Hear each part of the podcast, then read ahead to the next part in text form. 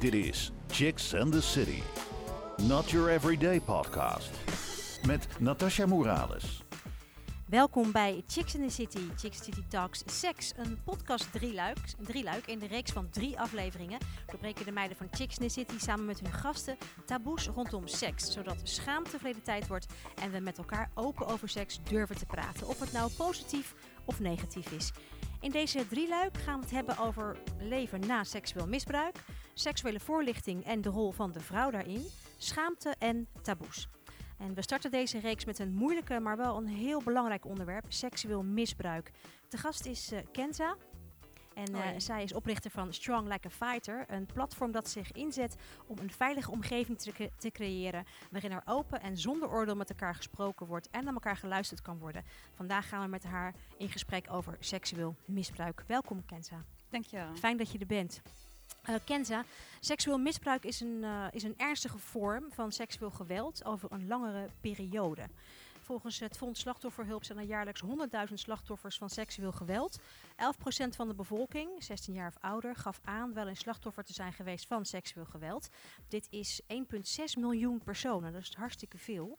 En uh, seksueel geweld omvat um, één of meer vormen van niet-fysiek seksuele intimidatie, fysiek seksueel geweld en online seksuele intimidatie.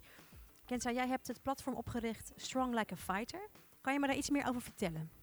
Uh, ja, Strong Like a Fighter uh, is eigenlijk ooit begonnen als een, ja, gewoon een simpel Instagram-account.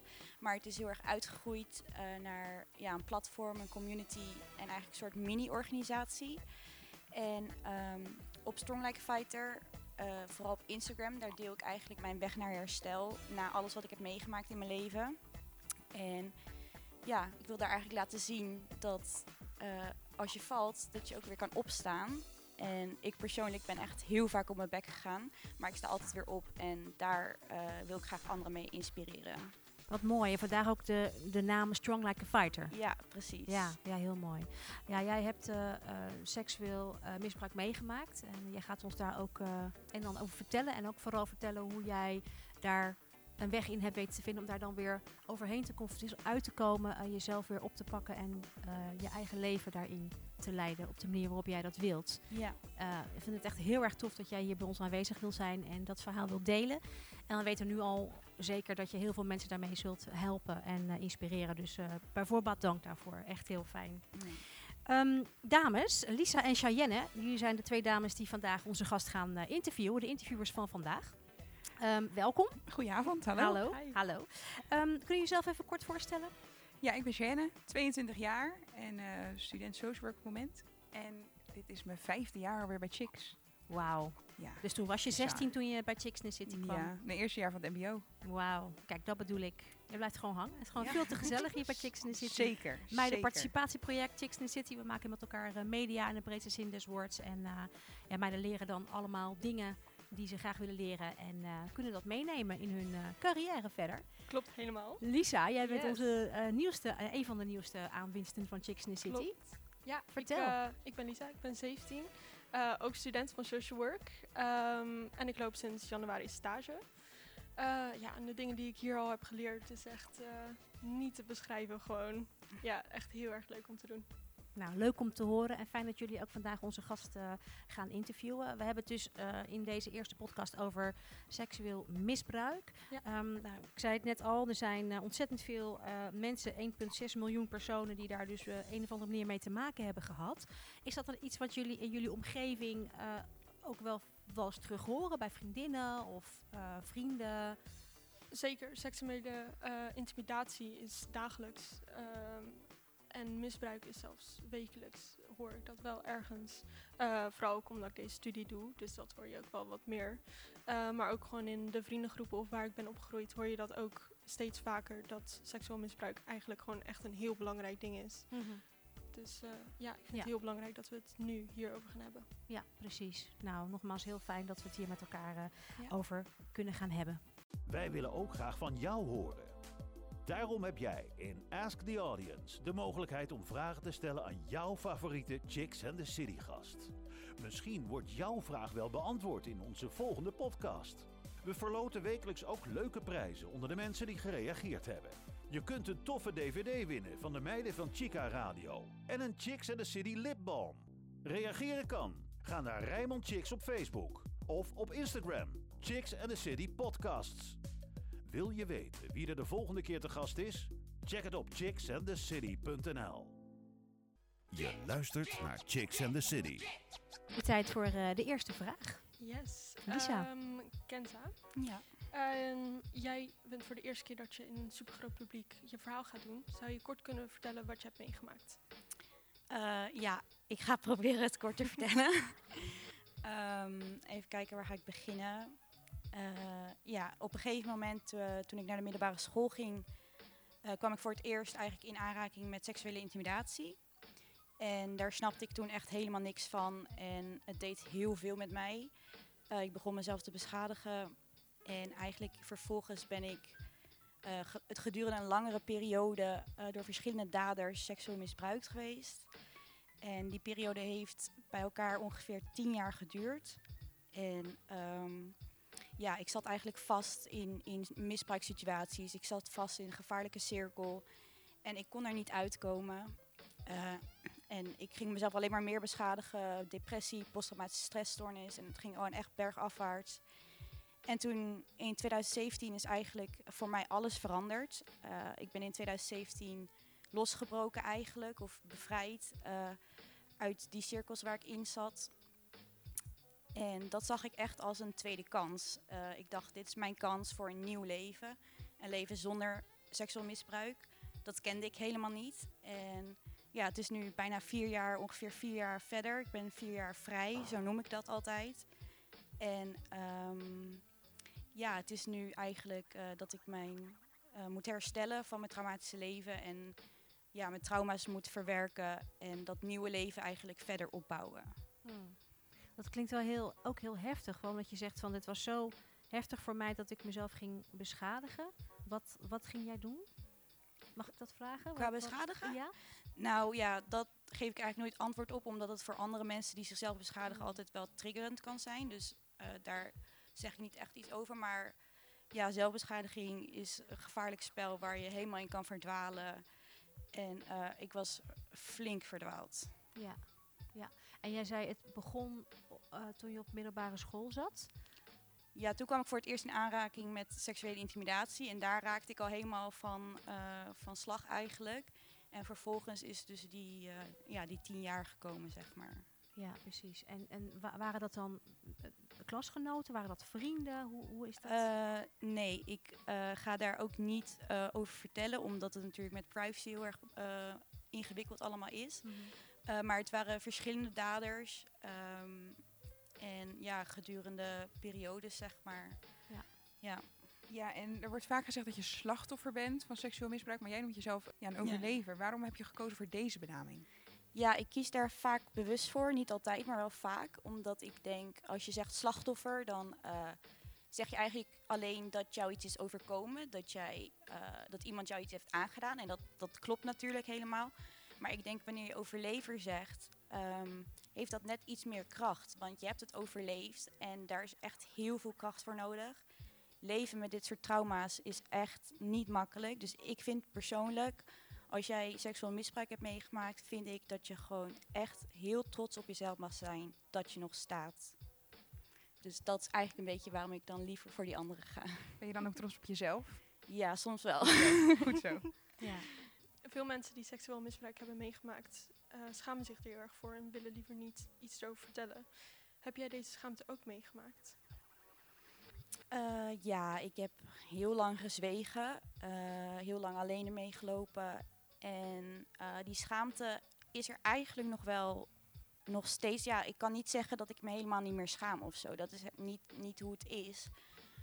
Ik denk wel dat die schaamte minder is geworden. Maar ik heb bijvoorbeeld wel dat ik ehm, denk dat het mijn eigen schuld was. Soms denk ik dat. Of eh, dat ik me aanstel.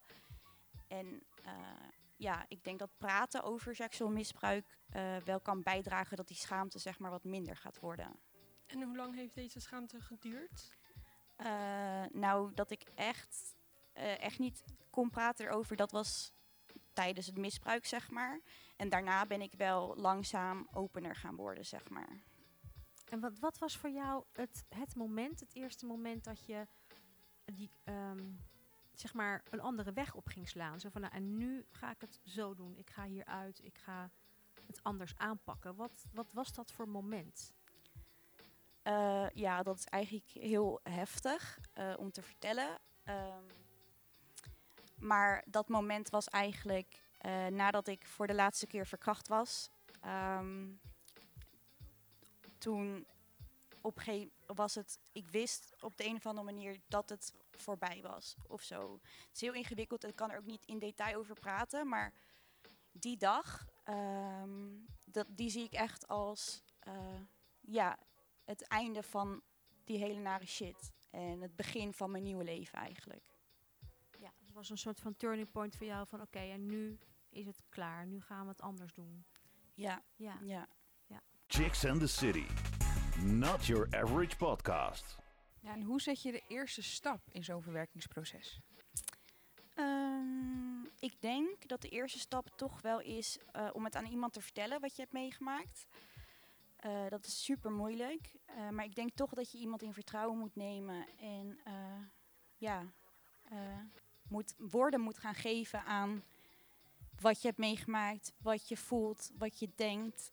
En eh, ja, dat is heel belangrijk, denk ik. En ik denk dat daar, want als je het helemaal aan niemand vertelt, dan kan je er ook minder mee, zeg maar. Dus ik denk dat dat wel echt heel belangrijk is. Ja, precies. En eh, ja, je zegt het al, het is heel moeilijk om überhaupt hulp te zoeken of aan iemand je verhaal eh, te vertellen. En op je website geef je ook aan dat de manier waarop er wordt omgegaan met en wordt gesproken over ehm, seksueel misbruik, de persoon waarmee je in gesprek gaat, kan breken, zeg maar.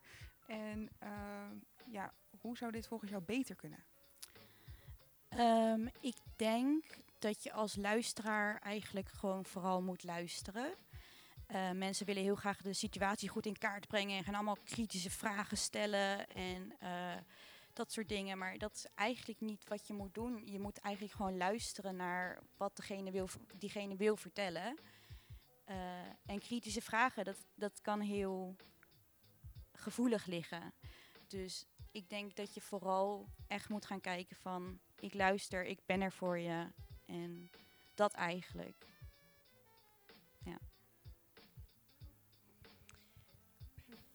Kan je als buitenstaander van seksueel misbruik, eh, het, kan je het herkennen? En wat zou je voor deze persoon kunnen doen? Eh, ja, nou hoe je het kan herkennen, dat eh, weet ik niet goed. Want elke situatie is anders. En ik ken alleen mijn eigen situatie. Dus ik weet niet hoe dat voor anderen is. Eh, maar ik denk als je vermoeden hebt dat iemand misbruikt wordt, het belangrijkste is eigenlijk, kijk niet weg. Eh, ga juist die persoon extra aandacht geven en laten, laten merken dat je er voor diegene wil zijn. Ik denk dat dat eh, heel belangrijk is. En als we het toch hebben over eh, wat kan je het best doen, wat kan je dan het beste niet doen? eh, een politieverhoor ervan maken. Dus allemaal vragen vuren. Ehm, het verhaal in twijfel brengen. Ehm, ja, eh, ik denk vooral luisteren en ja, geen verhoor ervan maken. Oké, duidelijk. Nou, Ja. dat is dus wat je niet moet doen. ja. En wat je het best wel kan doen, is dan voor diegene om er gewoon te zijn. Ehm, ja, en ik heb wel, eh, er is op Instagram is er een heel is er een eh, account, het heet Samen Helen. En eh, samen laagstreepje helen. En die hebben een hele mooie reeks gemaakt over MeToo-etikettes. En er gewoon heel veel goede tips van hoe kan je nou eigenlijk zo'n gesprek voeren. Wat, wat kan je beter wel, wat kan je beter niet doen. Dus dat, eh, daar zou ik naar willen doorverwijzen. Dat is wel echt een, eh, een mooie reeks. Ja. Ja, en we hadden het net al een beetje over eh, ja, je organisatie hebt opgericht, Strong Like a Fighter. Heb je in je eigen verwerkingsproces zo'n organisatie gemist? Ja, heel erg. Ik, eh, toen ik misbruikt werd, ik voelde me heel alleen. Ik had echt geen idee hoe ik er überhaupt mee om zou kunnen gaan, eventueel. En ik denk als ik eh, zoi- zoiets toen er tijd had gehad, dat ik mezelf iets beter een weg kon wijzen of zo. Ik weet natuurlijk niet of dat zo is, want zo is het niet gegaan. Eh, maar ik denk wel dat het wel had geholpen. Ja. Wat zou je nog willen meegeven aan de mensen die seksueel misbruik hebben meegemaakt? Ehm, ja, dat is eigenlijk heel kort. dat is, eh, je bent niet vies. Je bent niet schuldig. Je bent sterk. Vecht voor jezelf. Mooi. Ja, dat Ja. is echt wat ik wil meegeven. Maar mooi, ja. Wij ehm, eh, hebben een, eh, eh, een radioreportage waar we graag even naar willen luisteren met elkaar. Dat is gemaakt tijdens een workshopreeks met meiden uit Delfshaven over straatintimidatie. En ehm, nou, dat was een hele interessante workshopreeks met eh, 17 meiden uit Delfshaven. En die zijn de straat op gegaan en die hebben ehm, een dame gesproken die openlijk haar verhaal heeft gedaan over een, een aanranding die zij heeft meegemaakt.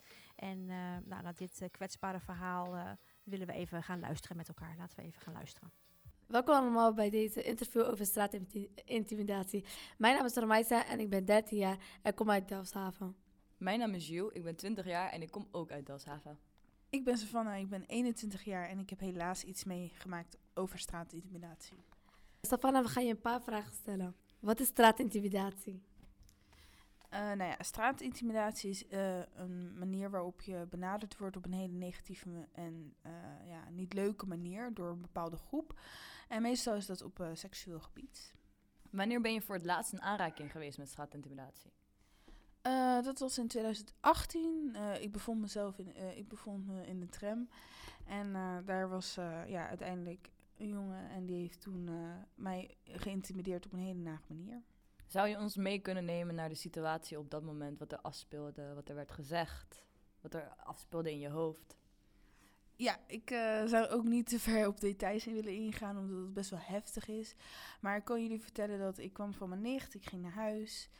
En op dat moment zat ik gewoon in de tram. Ik had, eh, het was ook hoogzomer, dus ik had gewoon een, een hemdje aan met een vestje en gewoon een korte broek. En eh, het, het zag er helemaal niet ordinair uit of zo.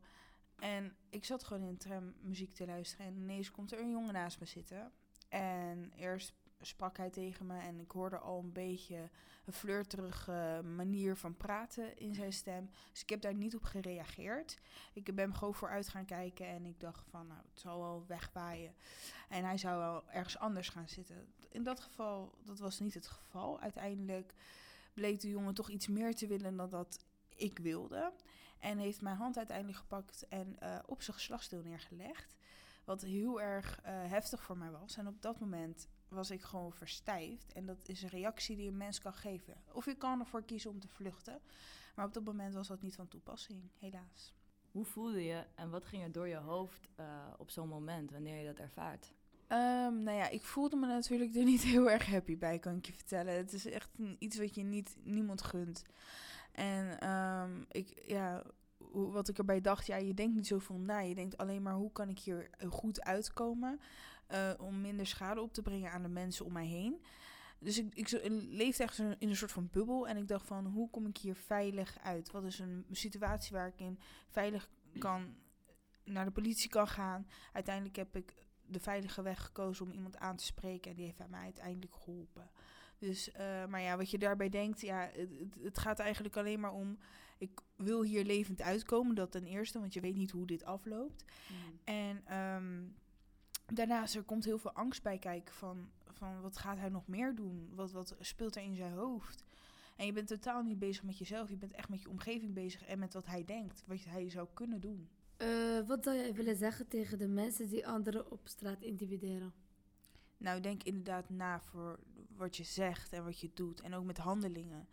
Ehm, ik begrijp misschien, misschien dat jij in een hele nare situatie bent. Want de jongen was ook in een hele nare situatie verkeerd uiteindelijk. En eh, was gedrogeerd. Dus op een gegeven moment ben je de controle kwijt. En eh, dan denk ik van, ook al ben je de controle kwijt... Zet jezelf dan in een situatie waar je mensen dit niet aandoet. En probeer gewoon na te denken met wat mensen voelen, met wat mensen denken. En eh, ja, en tegen de mensen die dit zouden kunnen overkomen, praat erover. Dat is echt heel belangrijk. Dankjewel voor dit interview. Chicks and the City. Not your average podcast. Zijn er vragen uit het publiek misschien? Allereerst hartstikke krachtig dat je hier zit. En daar heb ik heel veel, nou diepe buiging. Heel erg bedankt. Want door jou hè, horen we wat er nodig is en wat, hè, hoe je weer eh, kan gaan, gaan staan. Mijn vraag aan jou is, toen je in die situatie zat, hè? En ik kan me voorstellen, dan ben je alleen en je weet niet waar je in terecht komt, naïef enzovoort. Wat heb je het eerste gedaan wat jou hoop gaf om daaruit te kunnen komen? Met wie kon je praten? Met wie? Waar lag jouw hoop op dat moment? Ik denk toch eigenlijk mijn, mijn dromen, eh, die ik toch eigenlijk altijd wel heb gehad. Hoeveel nachtmerries ik ook eh, heb meegemaakt. Ik ben altijd blijven dromen. Eh, ik droomde van een, een eigen hond nemen en opvoeden. Ik droomde van een boek schrijven. En die hond heb ik geadopteerd. Die heb ik al twee jaar. Is een fantastisch beest. En mijn boek ben ik ook aan het schrijven. En ja, dus eigenlijk hoeveel nachtmerries ook. Als je blijft dromen, dan ja. Mooi. Zijn er nog andere vragen? Ehm, ik ken toevallig iemand die ook door je organisatie heel erg geïnspireerd was. Ik was in die tijd eh, ook met diegene en die had heel veel dingen meegemaakt. Ik wil gewoon vragen, wat doen andermans verhalen nu met je? Met mij bedoel je? Ja. Eh, ja, soms ehm, doet het me heel veel natuurlijk. Eh, ik moet wel eerlijk zeggen, ik moet me er ook een soort van ehm, niet te veel in mee laten slepen. Want er zijn echt heel veel mensen die het echt heel moeilijk hebben. En ik kan het niet voor iedereen oplossen. Ehm, maar ik, als iemand naar mij, aan mij iets vertelt, dan ben ik vooral eigenlijk heel dankbaar dat ze dat vertrouwen aan mij geven. En die openheid toch kunnen opbrengen. En ja, ik vind dat eigenlijk alleen maar heel mooi. Dus ik heb meer altijd, als iemand dan iets vertelt, heb ik echt zo'n gevoel van, ja, fijn dat je dit hebt willen delen. Ja, Dat vind ik heel erg mooi. Dankjewel. dankjewel. Wat misschien ook nog wel eh, ehm, goed is om te zeggen, is dat er ehm, een eh, hulplijn seksueel misbruik is. Waar je dus eh, 24-7 eigenlijk eh, terecht kunt om eh, je verhaal te doen, eh, mocht dat nodig zijn. En dat is een eh, telefoonnummer 0800 0188. Dus 0800 0188. En tot slot wil ik je heel graag bedanken voor dit mooie verhaal. En dat je hier te gast wil zijn. En dat je dit wil aankaarten. Dus heel erg dankjewel. Heel erg graag Ja, gedaan. Bedankt voor het delen van je krachten. Ja, Dat is, ben je eh, krachten. ja. En ik zou zeggen, ik ben super trots op je. Ik ben super trots Iedereen, op iedereen die nog gewoon staat. Ja. Oh, Ja. thanks. Zeker. Mooie woorden, dankjewel. Dankjewel Kenza. Chicks and the City. Volg ons op Instagram, Chicks and the City Podcasts. Like ons op facebook.com slash. De volgende show? Lees het op chicksandthecity.nl